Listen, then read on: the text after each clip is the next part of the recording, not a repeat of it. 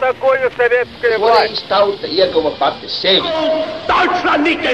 Liktenīgas nejaušības un slēptas likumsakarības, subjektīvas patiesības un objektīvi aizspriedumi. Pēc atkušņa nekad nenāk uzreiz pavasars, bet sākās Arī šodien cilvēki ir ļoti tūredzīgi. Viņi redz to naudu, kas ir. Televīzijā jau pamatā notiek cīņa par varu.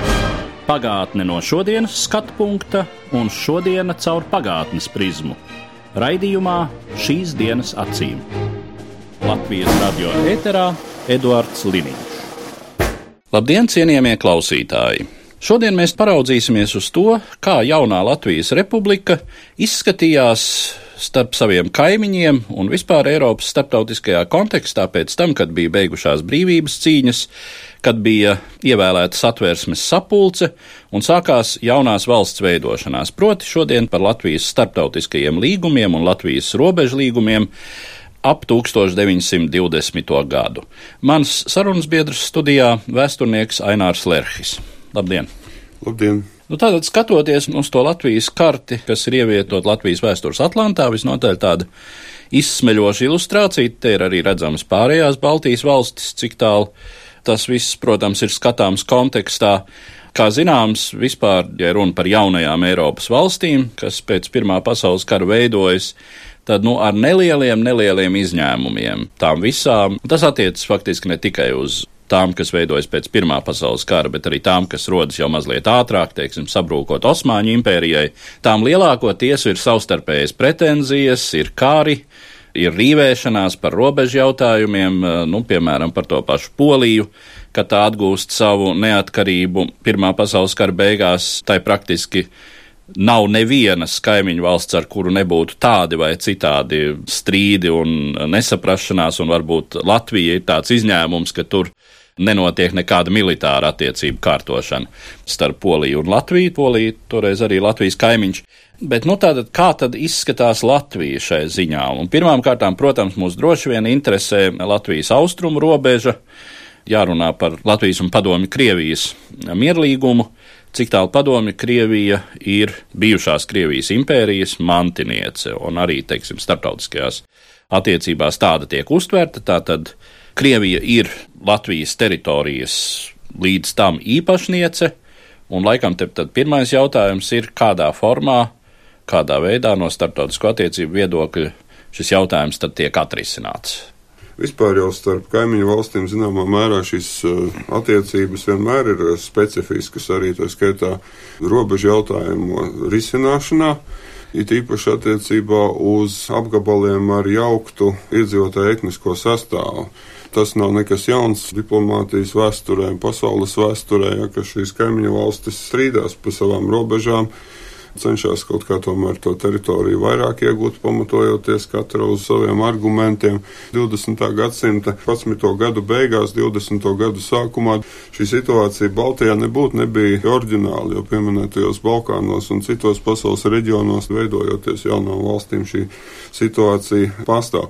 Protams, ka Robežu jautājums bija ārkārtīgi svarīgs jaunajai Latvijas valstī. 11. gadu beigās, 20. gadu sākumā kaut vai tā elementārā iemesla dēļ, ka ir nepieciešams katrai valstī tikt skaidrībā par savām precīzām robežām.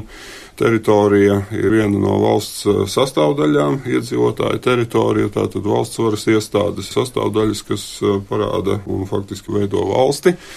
Tātad arī pirmām kārtām Latvijai bija uzdevums sakārtot šo jautājumu, it īpaši jau ar padomju Krieviju, tātad juridiski vajadzēja noformēt šo, nu, ja tā var teikt, atdalīšanos būtībā. Nu, no Latvijas valsts tad bija proklamēta, kā zināms, 1918. gada 18. novembrī, un veidojoties īpaši 19. gada otrajā pusē Latvijas valsts iestādēm un izvēršoties Latvijas ārpolitikai, viens no uzdevumiem bija arī robežu jautājumu sakārtošana. Blakus tam, kā ļoti svarīgs jautājums, protams, bija arī Latvijas valsts starptautiskās atzīšanas panākšana. Nu, ar padomju Krieviju Šis jautājums tika kārtots nebūtu ne vienkāršā diplomātiskā darbībā, diplomātiskajās sarunās. Tas notika Latvijai ļoti sarežģītos iekšpolitiskos un ārpolitiskos apstākļos. Nu, no otras puses, sakot, arī padomi Krievijai visai sarežģītos arī e, apstākļos. Līdz ar to 1919. gada vasaras beigās un, e, var teikt, septembra sākumā padomi Krievijas valdība faktiski piedāvā Rīgas valdībai, kā toreiz bija oficiāli formulēts, sākt sarunas par miera uh, līgumu noslēgšanu. Nav nekāds noslēpums, ka tas bija laiks, kad notika Latvijas brīvības cīņas, kas faktiski jau pārnesās lielā mērā uz Latgali. Lielākā daļa Latvijas teritorijas bija Kāļu Ulmaņa vadītās pagaidu valdības kontrolē. Nu, un tā tad iniciatīva arī tīri tādā militārā frontē, militārā darbībā bija pārņēmusi jaunā Latvijas armija. Tik sīki nestāstīšu tālāk par visām diplomātiskajām peripetijām. Tur bija arī diezgan interesanti, ka sākumā Latvijas delegācija ierodas Krievijā zem sarkanā krusta delegācijas, teiksim, cepures. Notiek tās pirmā diplomātiskā zondāža, diplomātiskās sarunas, konsultācijas Latvijai ar Igauniju, ar Lietuvu kā novērotāji piedalās Polijas un Somijas delegāti, īpaši tad, kad 19. gada novembrī Tartu notiek speciāla konference. Nu, bet šeit arī ir jāsaprot, ka bija skaidrs un viens no tādiem Latvijai svarīgiem jautājumiem tātad vispār bija Latgales status, ja, Latgales esamība Latvijas valsts sastāvā, jo šis jautājums nebūtu nebija viennozīmīgi traktēts tajā laikā. Ņemsim vērā, ka Latgale ilgus gadu desmitus atradās Vitebskas guberņas eh, sastāvā. Formāli arī padomu Krievijas pārstāvi šo jautājumu nu, varēja tātad traktēt, eh, kaut kādā veidā apšaubīt, teiksim, Latgales eh, esamību, jeb arī Latvijas sastāvu. Tas bija arī ļoti būtisks jautājums, kas bija jārisina. Jā, jo runājot par robežām, ja mēs tās robežu līnijas vērojam uz kartes, tad nevar jau teikt, ka Latvijas teritorijā dažādu robežu nebija, līdz tam robežas pastāvēja. Faktiski jau tās arī lielāko tiesu tika izmantotas tad, kad tika slēgti šie robežu līgumi.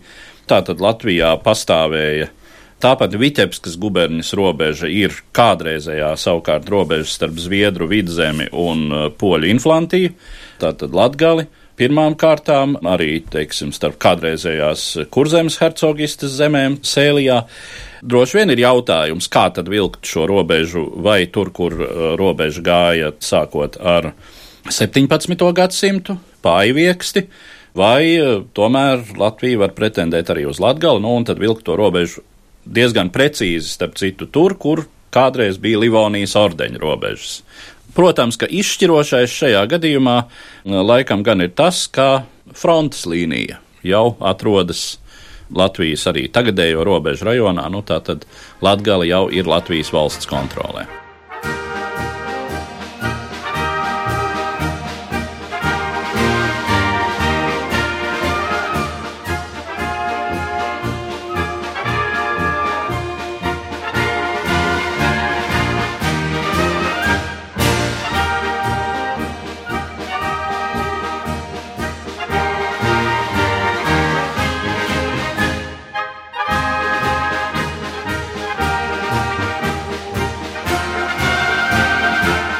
Jā, daudzkārt faktiski ir atzīmēts arī vēstures literatūrā, arī Latvijas diplomātiskā delegācija pat savā vidū nāca pie atziņas, ka tas galvenais, kādā veidā Latgala ir atgūstama, tātad militārā ceļā, nevis diplomātiskā ceļā, paļauties tikai uz diplomātiju. Acīm redzot, šeit bija skaidrs, ka tam varētu būt katrā ziņā grūtības. Nu, un vēlāk lielā mērā arī tas variants piepildījās. 20. gada janvārī Latvijas armijas sadarbībā ar Polijas armiju, Latvijas atbrīvošana tādā ziņā tika īstenot no bolševiku karaspēka. Šie karaspēki gāja tik tālu, kas vēlāk bija nosprausts ar uh, vēlākajām Latvijas un Krievijas robežām. Pamatā uh, miera sarunās, kas aptvēr, protams, ne tikai robežu jautājumu, bet arī daudzus citus risināmus jautājumus, Latvijas delegācija pamatā iestājās par robežu nospraušanu balstoties uz etniskiem principiem, respektīvi tik tālu, cik ir uh, latviešu apdzīvotās teritorijas. Un faktiski lielā mērā šādā veidā arī šīs robežas tika nospraustas vēlāk. ir arī jāpasaka, ka tātad šis militārais faktors bija ļoti būtisks, kā jau es teicu. Tas arī pilnībā, es domāju, apgāž eh, vēlākos dažādus eh, izteikumus un vēstures interpretācijas par to, ka Latvijai kaut kas esot uzdāvināts. Tā kā es domāju, ka šeit ar latviešu karavīru asinīm un upuriem Latvijas teritorija tika atbrīvota. Un tas, protams, palīdzēja vēlāk diplomātiem sarunās risināt jautājumu par robežas oficiālu nospraušanu, oficiālu iezīmēšanu, pēc tam arī dabā, bet galvenais tātad bija šis politiskais eh, miera līgums, kas bija ļoti svarīgs Latvijai, lai izbeigtu karastāvokli un varētu sākt arī veidot normālas diplomātiskās attiecības ar Padomu Krieviju. Tas, kas mūs uh, interesē uh, mierlīguma un arī pēc tam robežlīguma sakarā, ir pirmām kārtām jautājums par Latvijas atzīšanu no Krievijas puses. Uh, vai Krievija par šo brīvlaišanu kaut ko pieprasa pretī, jeb šajā ziņā tiek ievērotas Latvijas tautas suverēnās tiesības uz pašnoteikšanos? Sākumā ir arī no Padomu Krievijas delegācijas puses priekšlikumi, kas uh, nebija pieņemami Latvijai. Šajā pašā varbūt uh, Latgales jautājumā sākumā bija neskaidrība pilnīgi nepieņemami noteikumi 1920. gada 11. janvārī izvirzīti, jā, tātad slēgt atklātu pamieru, piešķirt Latgalai pašnoteikšanās tiesības, bet tas bija salīdzinoši īsu laiku šādi priekšlikumi. 13. janvārī Krievijas delegācija bija jau spiesta šīs prasības atsaukt, tātad janvārī vēl notika tā saucamās pamiera sarunas. Nu, un piekrist uh, tam, ka ir uh, tiek slēgts, kas vēlāk arī notika janvāra beigās, tad tiek slēgts uh, slepens pamiers un Latvijas karaspēks atrodas Latgales teritorijā. Nu, un tālāk tad abas delegācijas grūtās sarunās, arī pēc tam, kad 1920. gada 30. janvārī tika parakstīts slepens pamiera līgums, nu, vēlāk jau tika uzsāktas tiešās miera sarunas un tika risināti ar apdelegāciju piedalīšanos daudz, varbūt tādi sarežģīti jautājumi, kas arī skāra, nu, faktiski kopējo mantojumu, jā, jo tomēr vienā valstī pirms tam šīs sarunas slēdzēja puses, var teikt, bija agrāk bijušas. Nu, tātad šeit ir demarkācijas līnija, dažādas kontrolas komisijas, Latvijas padomju valdības, respektīvi Stučkas vadītās valdības liktenes Latviešu padomju strēlnieku divīzijas status, ja, tātad arī par nākotnē jau noslēdzamo miera līgumu, par robežu nospraušanu, kā tas tiks darīts un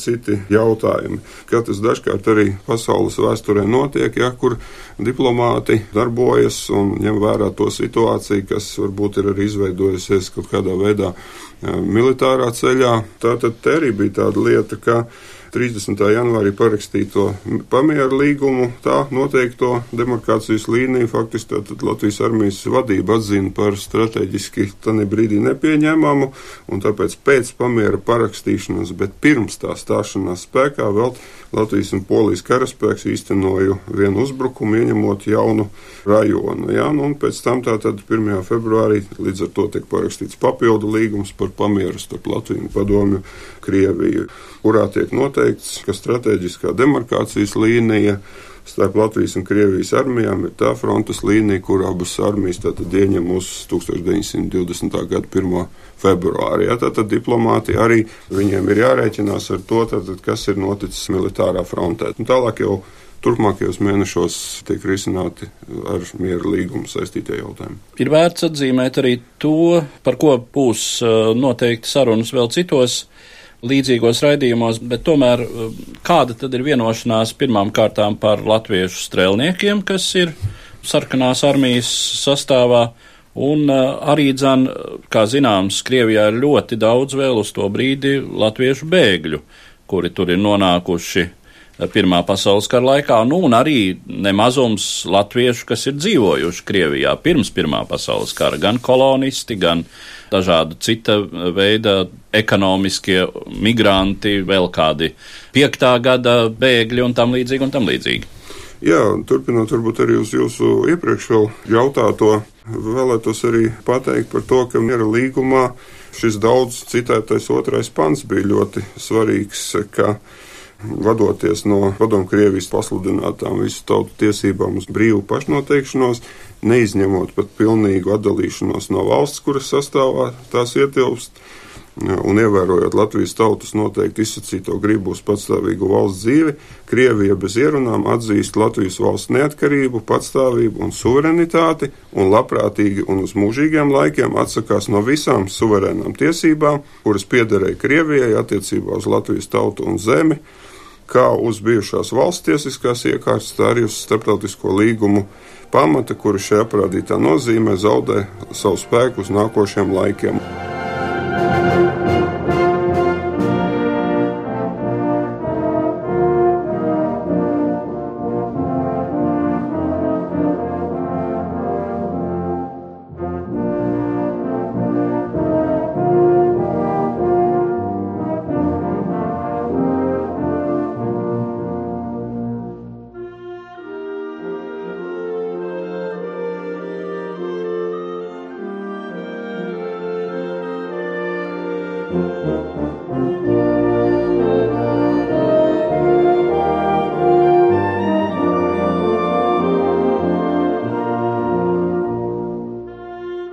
Mūsu šodienas saruna veltīta Latvijas un Padomju Krievijas attiecību un robežu jautājumu noregulēšanai Latvijas brīvības cīņu noslēgumā 1920. gadā. Mans sarunbiedrs studijā - vēsturnieks Ainārs Lerhis. Thank you.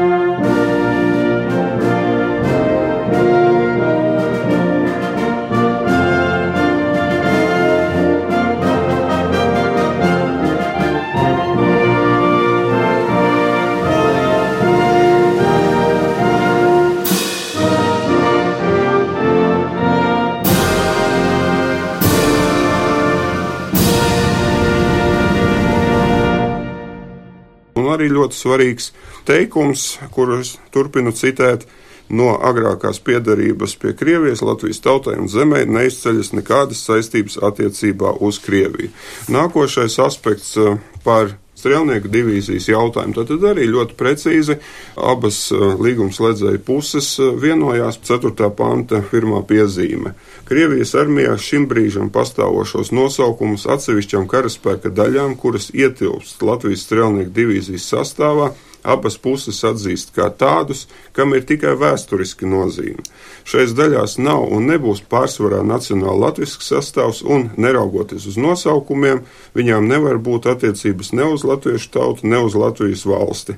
Tātad kaut kādā veidā šo latviešu strēlnieku vienību jautājumu saistīt kopā ar Latvijas valsti. Tātad šeit jau 1920. gadā var teikt, eh, viss tiek pateikt šajā jautājumā, ja, ka tam nav saistība to, ko daži vēsturnieki cenšas kaut kādā veidā uzvelt Latvijai, kaut kādu atbildību par latviešu strēlnieku esamību un rīcību, militāro darbību toreiz Krievijas teritorijā. Jā, tātad šeit jau 20. gadā, manuprāt, ir ļoti precīzi definēts šis jautājums. Nu, tālāk arī ir jautājums, protams, par bēgļu atgriešanos kopumā atgriezās, nu, ir dažādi dati vēstures literatūrā, nu, piemēram, tāds, ka apmēram 230 tūkstoši bēgļu no padomu Krievijas atgriezās. Turklāt visi, kas to vēlējās, nepaspēja iesniegt dokumentus. Ne visiem izdevās atgriezties, kas to būtu vēlējušies, jo arī tika likti dažādi šķēršļi. Ja? Nu, šeit tiek risināts jautājums par karagūstekņu apmaiņu, par diplomātiskā un konsulāro sakaru nodibināšanu. Šeit bija arī svarīga iespēja latviešu bēgļiem, kas pirms tam bija Krievijas valsts piederīgie, iegūt Latvijas pilsonību. Šeit bija ļoti svarīgs arī līguma astotais pants, kurā bija teikts, ka personas, kuras šī līguma ratifikācijas dienā dzīvo Latvijas robežās, kā arī Krievijā dzīvojošie bēgļi, kuri paši vai kuru vecāki līdz 1914. gada 1. augustam bijuši pierakstīti pie pilsētu, lauku vai kārtu sabiedrībām uz teritorijas, kura tagad iztaisa Latvijas valsti, top atzīti par Latvijas pilsoņiem. Tā tad arī dzan. Visām 18 gadu vecumu sasniegušām personām, kas dzīvo Latvijas teritorijā, bija dotas tiesības izstāties no Latvijas pavalsniecības un optēt, teiksim, Krievijas pavalsniecību. Nu, tā tad arī Krievijas pilsoņi, latvieši varēja iegūt arī Latvijas pilsonību, izņemot varbūt dažas piezīmes dažām nelielām iedzīvotāju grupām. Tas nebija, nu, piemēram, tiem Krievijas pilsoņiem un Krievijas pilsonības optantiem, kas bija piedalījušies Bermuda armijas uzbrukumā un vēl dažos notikumos. Tātad kopumā miera līgums risinājušos bēgļu atgriešanās jautājumus. Tālāk jau tīri, varbūt organizatoriski un tehniski mēs varam teikt, ka tomēr nu, visiem nebija iespējams atgriezties, jo arī Krievija iestājās par zināmu savstarpības vai diplomātiskā valodā runājot reciprocitātes principu, arī konsulāro pārstāvniecību izvietojumu ziņā. Valsts varēja apmainīties ar vienādu skaitu konsulāro pārstāvniecību. Protams, Latvijas dažas konsulārās pārstāvniecības pavisam milzīgo Krievijas teritoriju bija par maz, un daudzi nevarēja nemaz aizkļūt līdz Latvijas konsulātiem Krievijas pilsētās, lai iesniegtu savus dokumentus. Krievijai tādā ziņā tas bija izdevīgāk, jo salīdzinoši nelielajā Latvijas teritorijā tātad tāds pats konsulātu skaits Krievijai bija pieņemams. Un arī jāmin ir tas, ka arī no Latvijas sarkano strelnieku vienībām tātad arī daļa atgriezās Latvijā.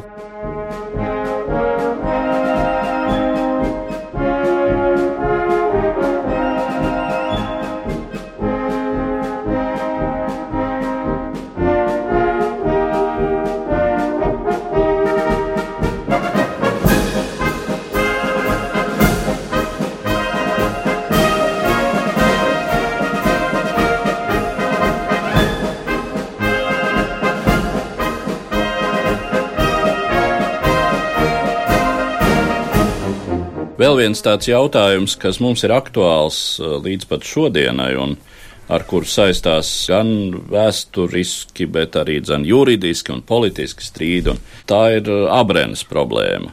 Kā zināms, tā tad no vienas puses abrenes apgabals vai abrenes novads, šie vairāki pagasti, pirmkārt atradās Pleskavas guberņas sastāvā. Guberņu robeža un arī kādreizējā Polijas zemju robeža iet no šīs teritorijas uh, uz rietumiem. Teritorijā praktiski latviešu iedzīvotāji arī tobrīd uh, nu, ir ļoti maz.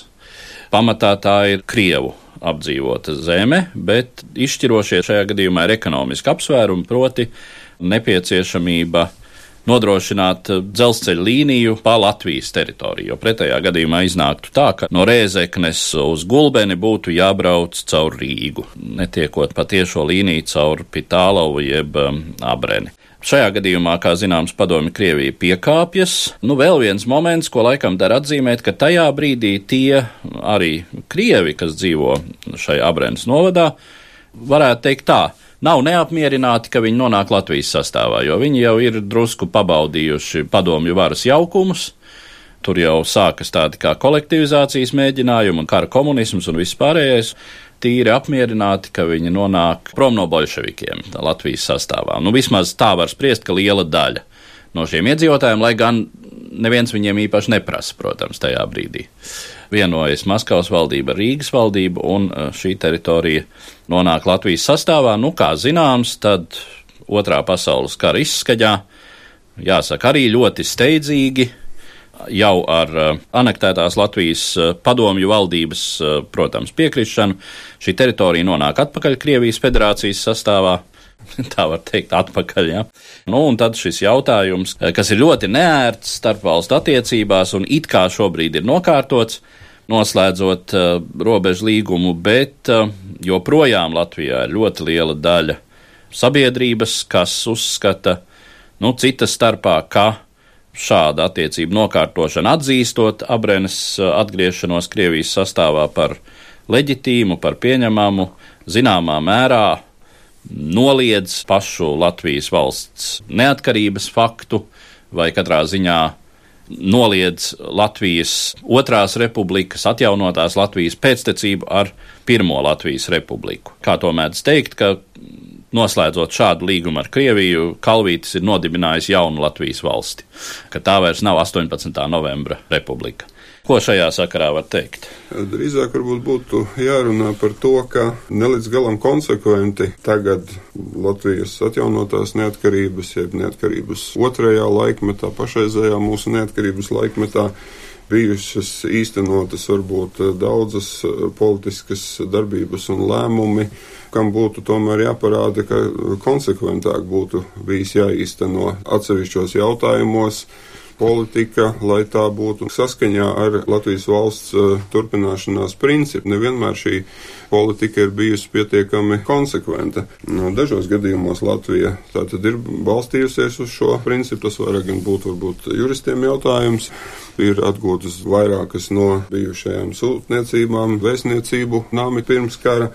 Nu, vēl vairāki arī jautājumi, tā skaitā arī tas, ka 1991. gadā lielā mērā no citu pasaules valstu puses rudenī nestādījās jautājums par to, ka būtu no jauna jāatzīst Latvijas valsti, tās valstis, kas bija atzinušas Latviju kā valsti jau pirmajā Latvijas neatkarības periodā, periodā starp diviem pasaules kariem, tās otrais Latviju kā jaunu valsti neatzina. Tas, ko atzina, tā bija Latvijas valstiskās neatkarības atjaunošanas atzīšana, ja, bet tā nebija vēlreiz valsts atzīšana. Nu, protams, tā tad arī atgriežoties varbūt pie 1920. gada, Krievija toreiz Latvijas prasības attiecībā uz Pitālau, daļu no Sebežas, Opoškas un Drisas apriņķiem, robežu teritorijām, pa kurām bija diskutēts.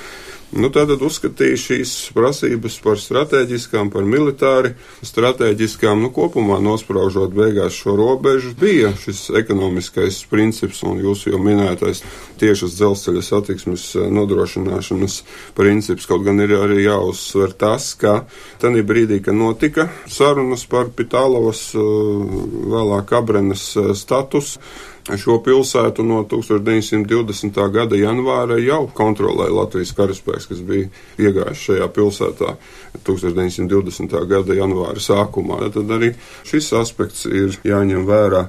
Tas, kādā veidā tagad jau atjaunotā Latvijā tika risināts šis jautājums, mani samulsināja tas, ka satversmes tiesas spriedumā, kas visādā ziņā satur pamatīgu un juristu argumentētu viedokli par Latvijas situāciju un ne tikai šo abranes jautājumu, bet vispār vērtējumu no starptautiskī tiesiskā viedokļa.